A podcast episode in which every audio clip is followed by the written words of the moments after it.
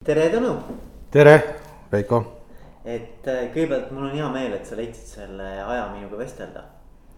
ka mulle istub see, sest äh, noh, edeva inimesena ikka tahad endast kuskile jälge jätta. ja, ja et äh, nagu sa tead, siis mina pean sellist juhtimisblogi, mis keskendub juhtimiskvaliteedi teemadele.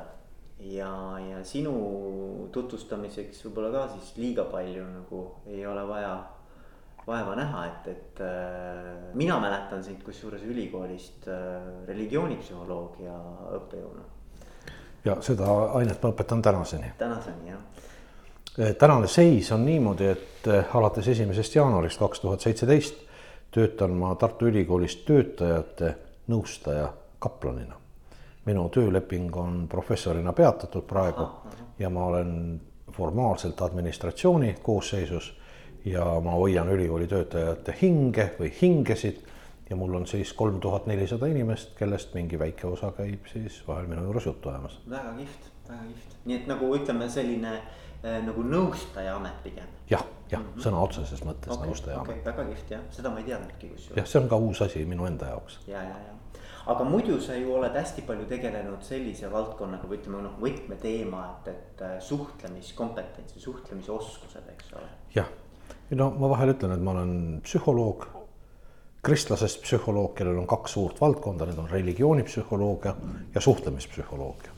nii et äh, suhtlemiskompetentsid ja kõik see, mis puudutab inimestevahelist kommunikatsiooni, on noh, olnud aastaid minu huvis ja ma olen tegelikult sellel alal ka lõpetanud kunagi Tartu Ülikooli sotsiaalpsühholoogia erialal. nii et, nii et see on see, milles mul on siis mingisugune kvalifikatsioon. et see on oma niisugune ekspertsus tähendab jah, aga no mina tahtsingi rääkida tegelikult sinu kogemusest ja sinu nägemusest ja, ja kogu sellest nii-öelda teoreetilisest baasist ka.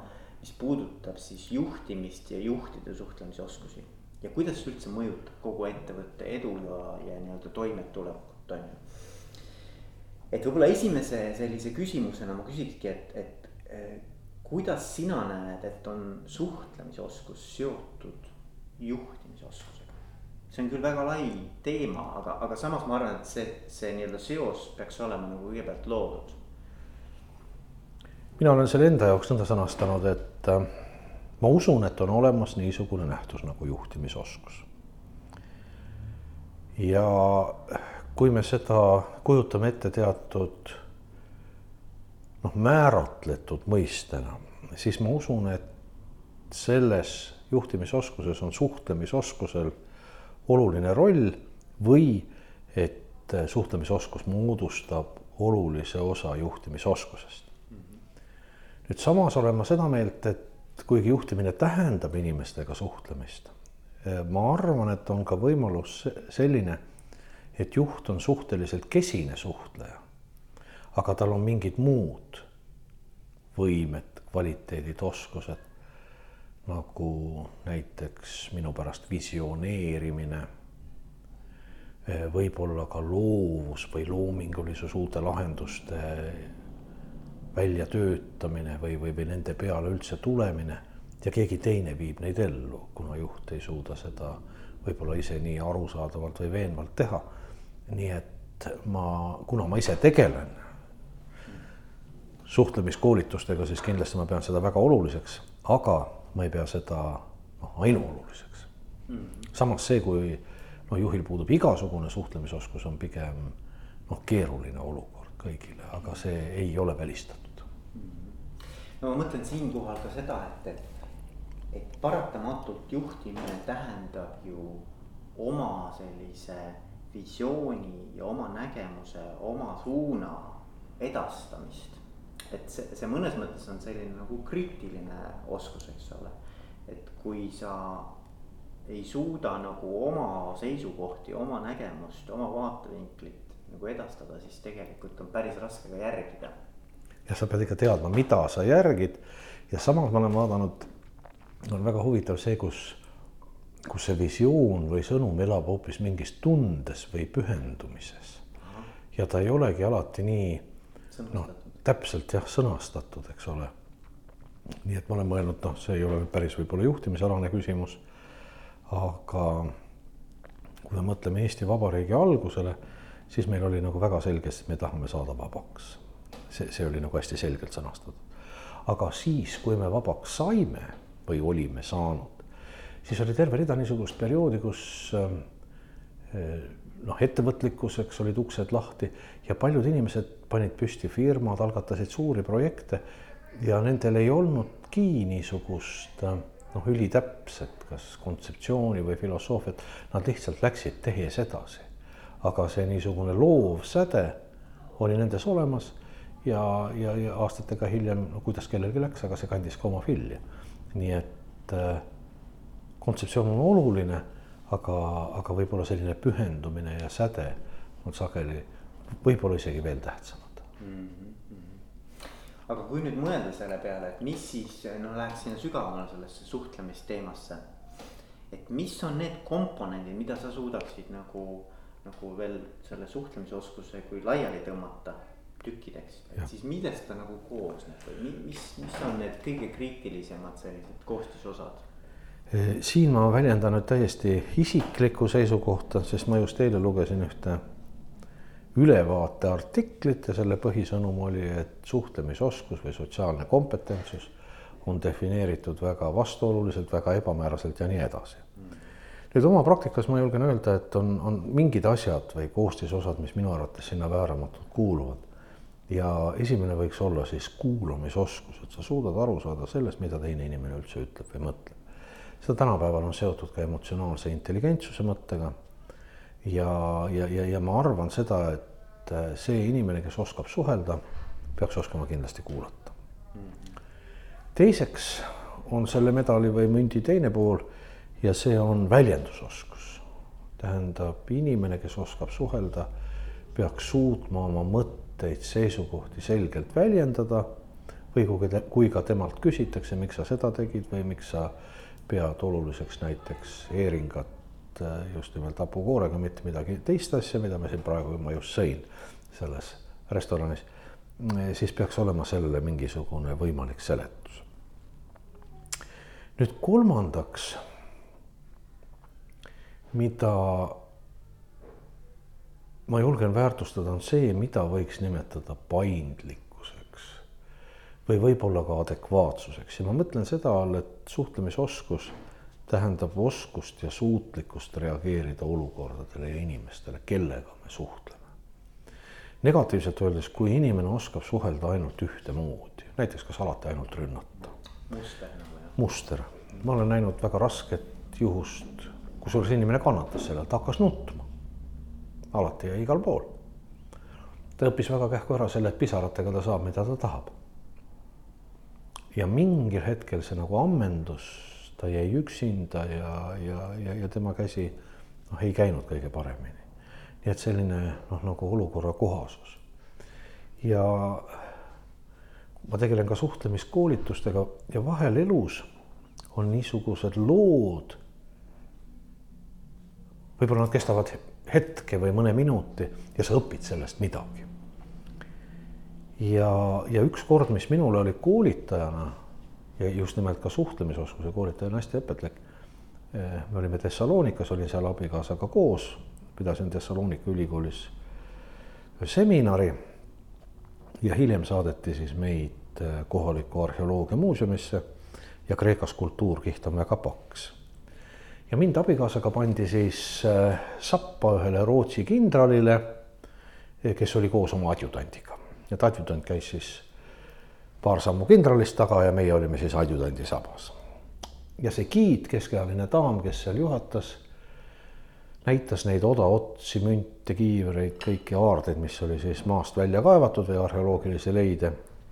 rääkis tohutu vaimustusega sellest, nagu ta oleks eile õhtul need ise välja kaevanud ja inimkond enne ei teadnud ja nüüd teavad ja temal on siis see au neid rääkida ja kui see ekskursioon läbi sai, siis ma küsisin tema käest, et andke andeks, et ma olen ka diplomeeritud giid, kuigi ma ei ole giidina töötanud.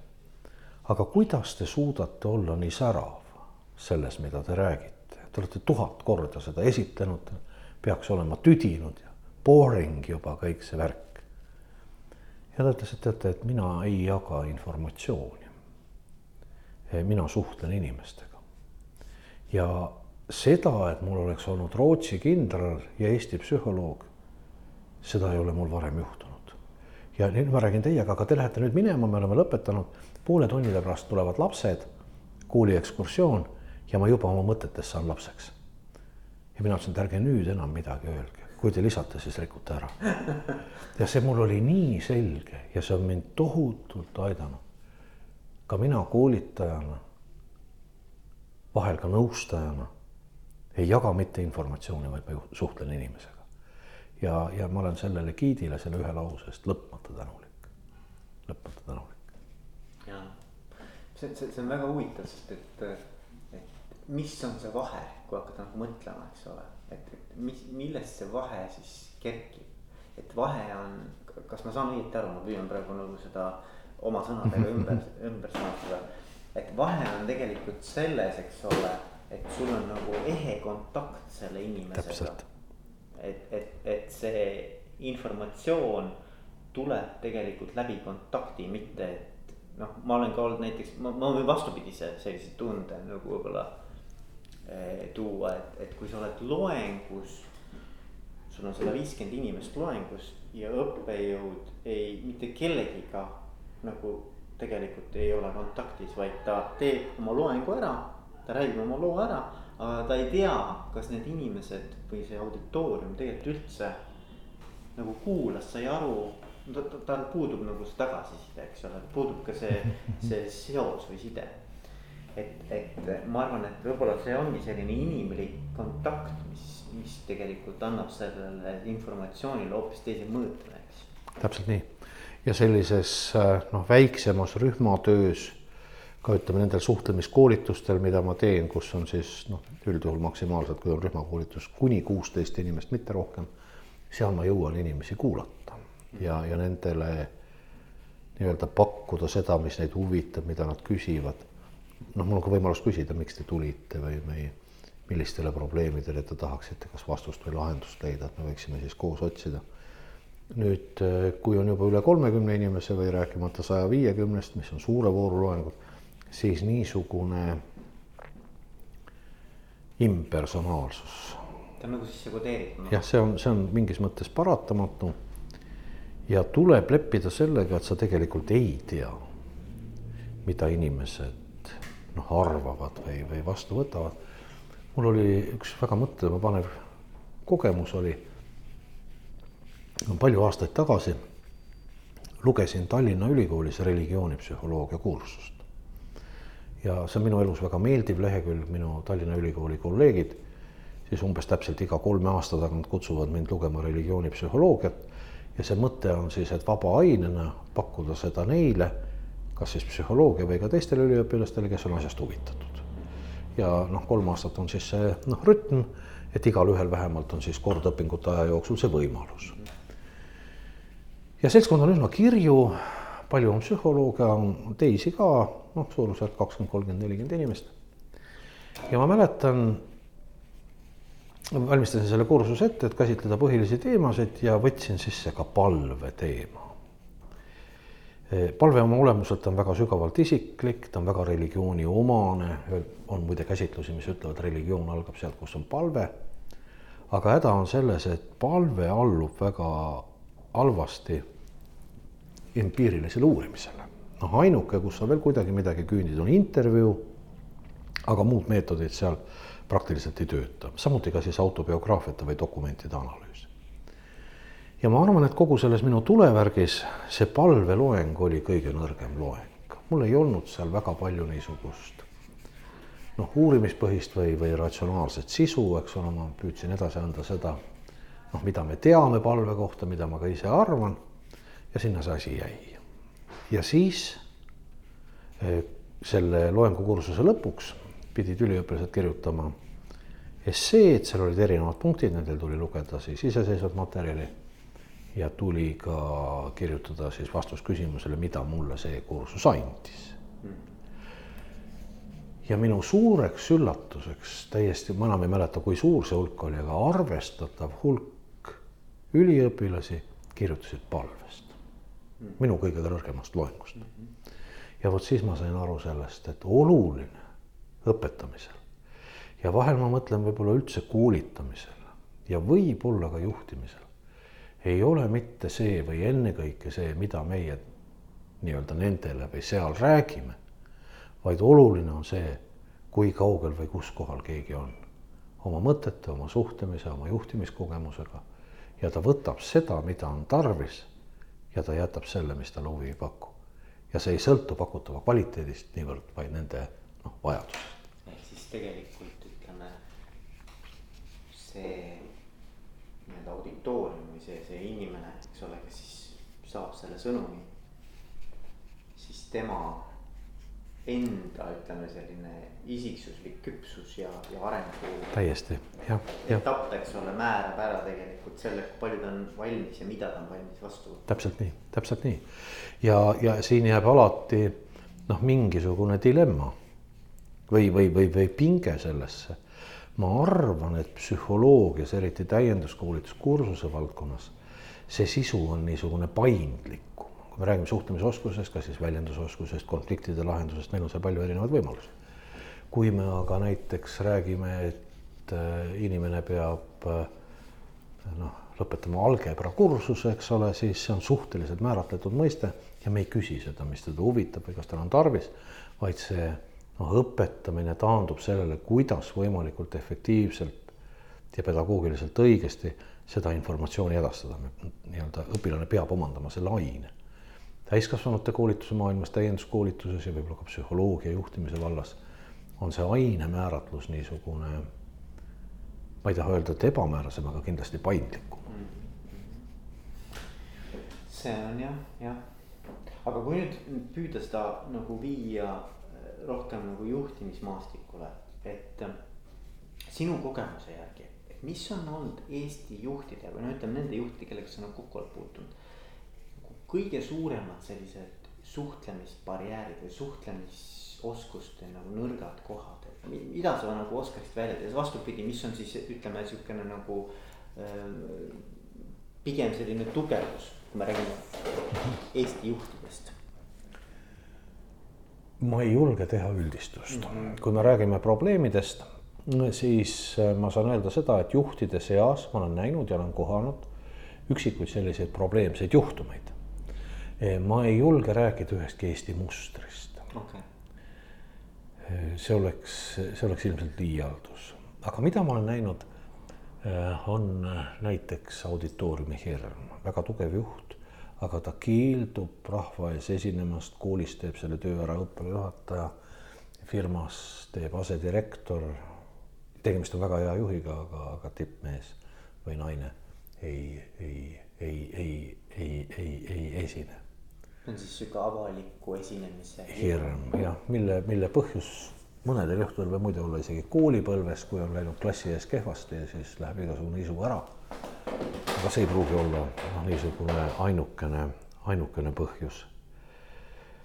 siis teine, mida ma olen näinud äh, ja mis on võib-olla ka niisuguses isikujoontes kinni, on selline käitumisviiside piiratus tähendab, inimene oskab teha ainult ühte asja, näiteks kas põhiliselt rünnata või ainult ennast kehtestada. või et erinevates olukordades erinevate partneritega ta käitub suhteliselt ühtemoodi. ja, ja see võib olla probleem. ja siin tekib minu jaoks ka üks niisugune huvitav noh, rahvusliku erinevuse küsimus, ma teen koolitusi ka vene keeles, ma olen kunagi Leningradis natukene õppinud ja oli aeg, kui ma vene keelt rääkisin vabalt, nüüd ma ühesõnaga takerdun. aga meie venelased on heatahtlikud, nad ütlevad mulle noh, sõnu ette ja, ja noh, me saame hakkama. ja on teatud kultuurilised erinevused, kusjuures ühel või teisel pool seda kultuuripiiri võib olla see erinevus ja, ja mõned nendest on näiteks seesama küsimus, et venekeelses auditooriumis väga sageli küsitakse, kuidas peab või kuidas on ette nähtud. Eestikeelses auditooriumis küsib, kuidas on võimalik nii et eestlase jaoks on see okei okay,, kui me noh, näiteks oletame, et ühes kollektiivis on keegi probleemi inimene nagu kivi kinga sees, nimetame teda intrigaaniks, tema ümber ja temas on väga palju probleeme ja me arutame näiteks kaheksa erinevat käitumisviisi, kuidas selles olukorras toimida. ja igaüks siis otsustab, mida ta teeb sõltuvalt olukorrast. Venekeelses auditooriumis küsitakse minu arust, kuidas on õige, kuidas peab tegema, et seda probleemi lahendada. Ja, ja, ja mul on nagu sisemisi raskusi, ma ei julge öelda noh, võluretsepti. et see tuleb ise leida, see on esimene erinevus, muide on ka teisi, näiteks auditooriumi täituvus on väga huvitav. Venekeelne auditoorium täitub eest-taha. ütleme, kui on niisugune loengu tüüpi asi, venelased tulevad, istuvad esimesse ritta, läheb järjest tahapoole, eestlane istub kõige tagumisse ritta mm..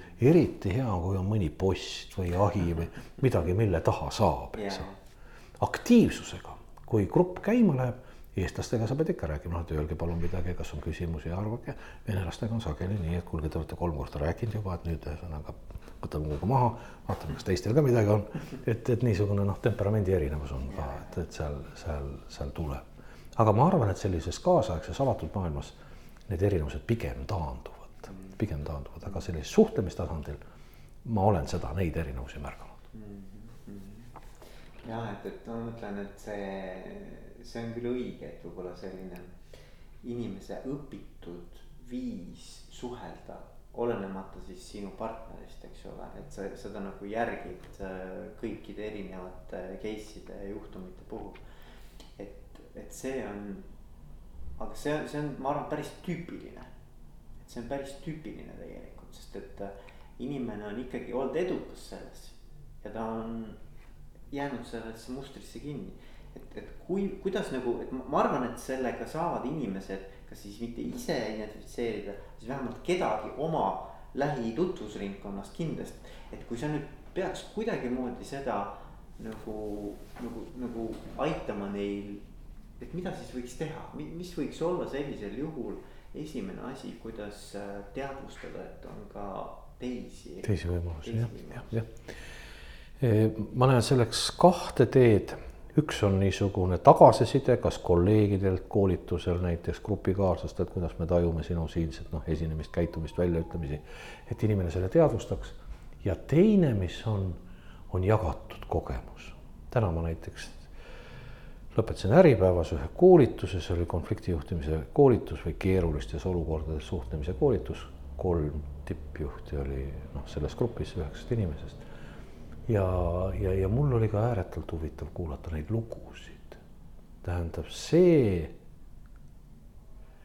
me ei oska vastata küsimusele, kuidas on õige või kuidas peab, ma arvan, et võib-olla sellele küsimusele isegi ei tohi täpselt, noh, ma ei räägi siin viisakusreeglitest ja headest tavadest mm. aga kui inimesel on endal mingisugused probleemid ja kes me noh, oleme juhid olnud või oleme, siis on mingid tüüpilised situatsioonid ja kui sa kuuled kuidas suhelda inimesega, kes näiteks töötab vastu või kes on kaotanud igasuguse huvi või motivatsiooni või kes on lihtsalt kade teiste peale, eks ole, puudutagu see, ma ei tea, kas siis palgatõusu või, või ühte puhkusepäeva või mingit asja. ja ega meil ei, ei, ei saa ju öelda, et tee nii või nõnda peab, aga me saame noh, analüüsida, mis toimub inimeses ja vot kaardistada need erinevad käitumisviisid, eks ole. -hmm et kas panna reeglid paika, kuulata ära, mida ta tegelikult tahab. ja, ja ka seal on erinevatel juhtidel erinevad käekirjad ja vot nende lugude kaudu, mida räägitakse, kuidas mina olen teinud, kuidas mul läks. vot me, me, me, me õpime ja kui me muud ei õpi, siis me ja, ja kui me juba teadvustame ühe võimaliku käitumisviisi, mida me enne ei teadnud, vot siis on see kogemus, see koolitus läinud asja Mhm. tasus, et tegelikult, et, et, et saadagi inimeste käest erinevaid nagu story'si kätte. täpselt, täpselt mm, -hmm. täpselt, et niisugune narratiivne või lugude lähenemine ja see sõltub grupist, mõned grupid avanevad, mõned grupid jäävad äh, kidakeelsemaks. ja see on siis juba koolitaja asi, et tuua niisugune avatud, usaldav õhkkond. ja lõpuks ka inimene ise otsustab, eks ole, mida ja kui palju ta räägib mm. -hmm. mis sa ise, ütleme, tahaksid veel välja tuua selle suhtlemisoskuse juurest, kui mõelda nagu juhtidele, et, et mis, mis oleks sinu näiteks soovitus esmastele juhtidele, kes just nagu juhiks on saanud, et. et ma arvan, et, et seal on kindlasti ka see teema nagu hästi-hästi oluline -hmm. et. Äh, noh, minu niisugune üldine nagu soovitus psühholoogina on, et äh, ära jää üksinda. see võib puudutada probleeme, noh, hea on, kui kellega jagada. aga ma arvan ka, et niisugune noh, nagu eluterve noh, mingi kas tiimipõhisus või sul on mingi usaldusisik või võib-olla keegi teine juht kusagilt mujalt. noh, tänapäeval on väga nõus või moes on, ütleme, mentorlus, coaching.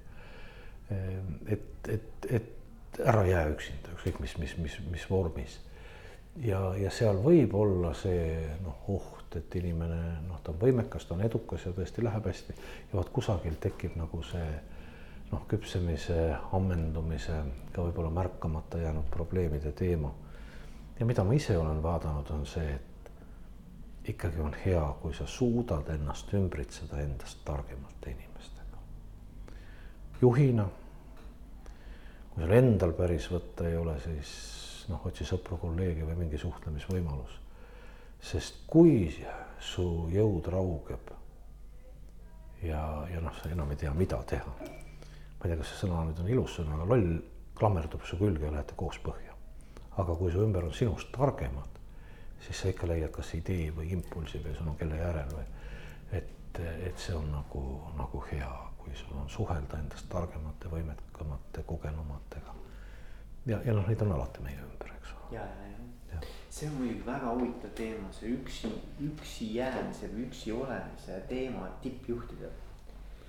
Et seda, see, seda on tegelikult varem ka välja toodud ja selle teema üle ma olen, ma olen ka natuke mõtisklenud, et see on huvitav, et sa tegelikult nagu tippjuhina. ma ei tea, kas see tegelikult paistab välja või mitte, aga tegelikult sa jääd nagu suhteliselt ikkagi üksi teatud teemadega.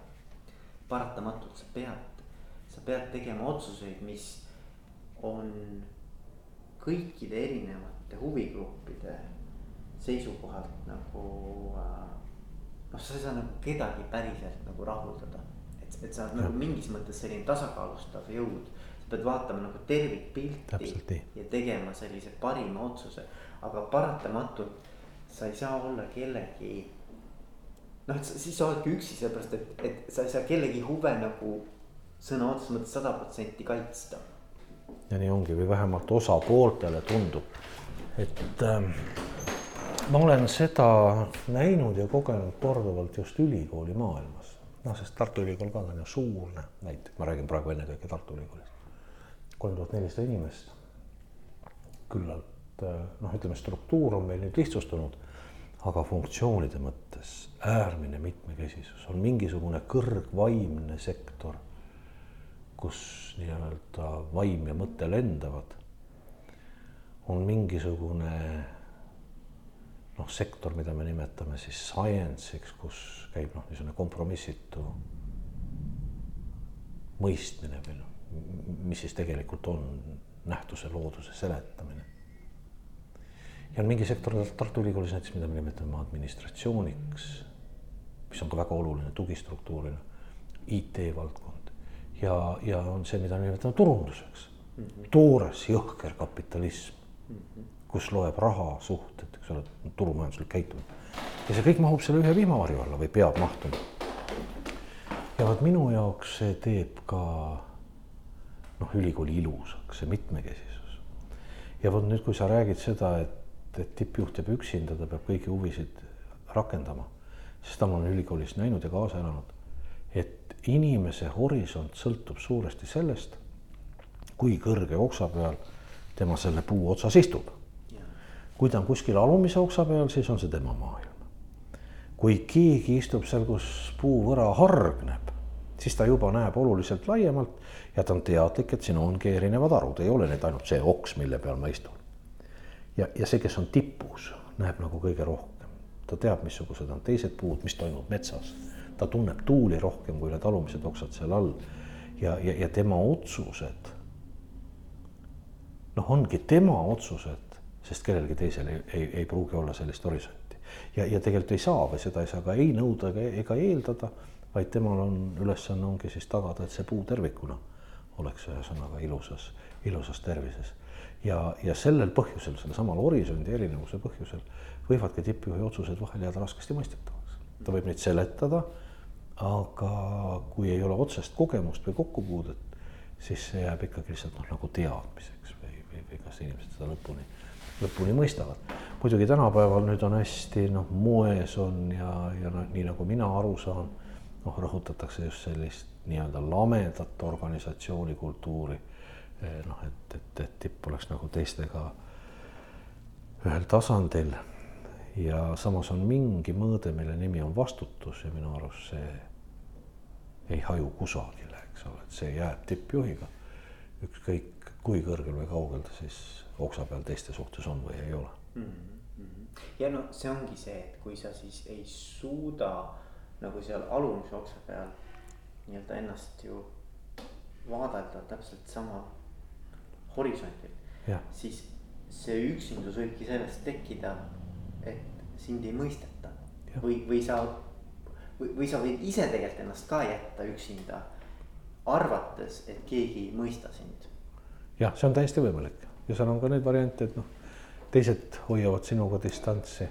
et seal on üsna palju võimalusi. seal on üsna palju võimalusi jah ja., aga ma, ma arvan, mis mind kõnetas sinu selle eelmise jutu puhul oligi just see, et ära jäta ennast üksi. jah, otsi, suhtle. isegi siis, kui sa teed selliseid või oled nagu mõnes mõttes nagu vastutavana äh, valiku ees, mis kõigile ei pruugi sobida, siis, siis mitte jäädes ikkagi nagu. No et, et vali ikkagi see tee, et, et ole teistega nagu kontaktis või et nagu püüa seda seletada, püüa, püüa teiste tagasisidet saada ja siis ikka veel ja jälle selgitada oma seisukohti. jah, ja, ja, ja ütleme suures organisatsioonis noh, kõigile ei jõua, aga siis tekibki see noh, kesktaseme juhtide teema, eks ole, et, et sul peaks olema oma meeskond või tiim noh, keda sa usaldad ja, ja sinu hääl ulatub siis nende kesktasemet ja nende asi on see viia edasi, eks ole. Et ja seda ma olen ka väga palju vaadanud.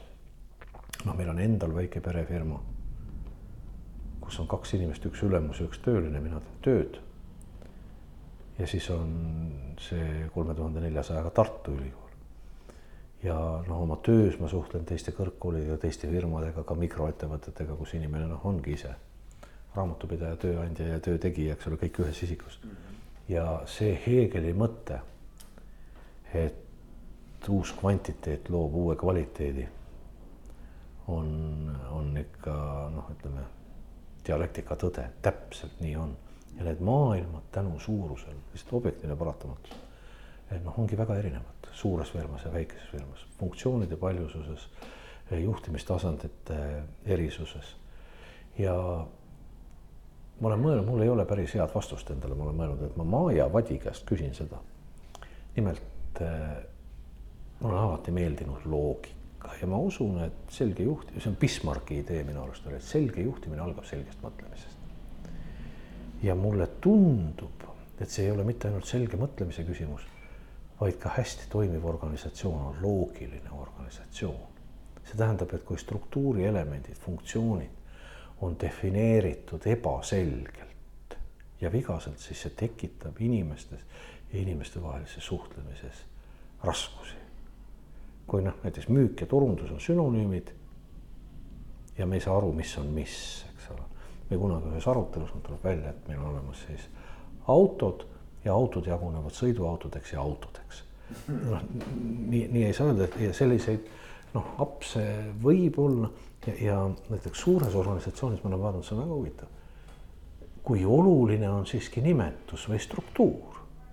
kui inimene ei tea, kus ta töötab, siis varsti ta ei tea, mida ta teeb ja siis ta ei tea, kes ta on.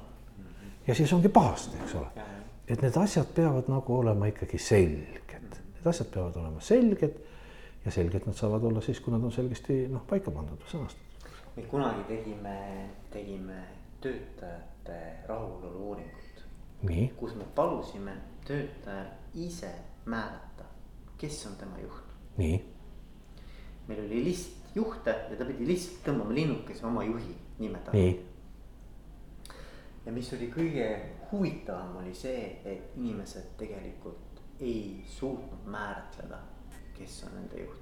ja ma arvan, et selle taga mitte see, et mitte nad ei tea vaid tegelikkus nagu päris elu, igapäevane elu ja see, mis on kuskil paberi peal struktuuris erinesid lihtsalt nii palju. Nemad panid selle järgi, mis on päris elu kellega nad tegelikult iga päev noh, enda juhiks nii-öelda arvavad. pidasid jah, jah. aga meie muidugi püüdsime ju käsitleda ikkagi lähtuvalt formaalsest struktuurist. struktuurist jah, jah. et see on väga põnev teema ka ja see, sealt tekib väga palju ebaselgust tegelikult. ja mõnes mõttes on see ka nagu paratamatu, et noh, need asjad ei lange kunagi kokku, mis on päris paberil. Ja, ja võib-olla selline kaasaegne organisatsioonimudel, noh, kus on lame organisatsioon, kus juht on nii-öelda töötajatele üsna lähedal ja, ja ei ole selliseid hierarhilisi vaheastmeid, võib-olla see vähendab seda probleemi mm. -hmm.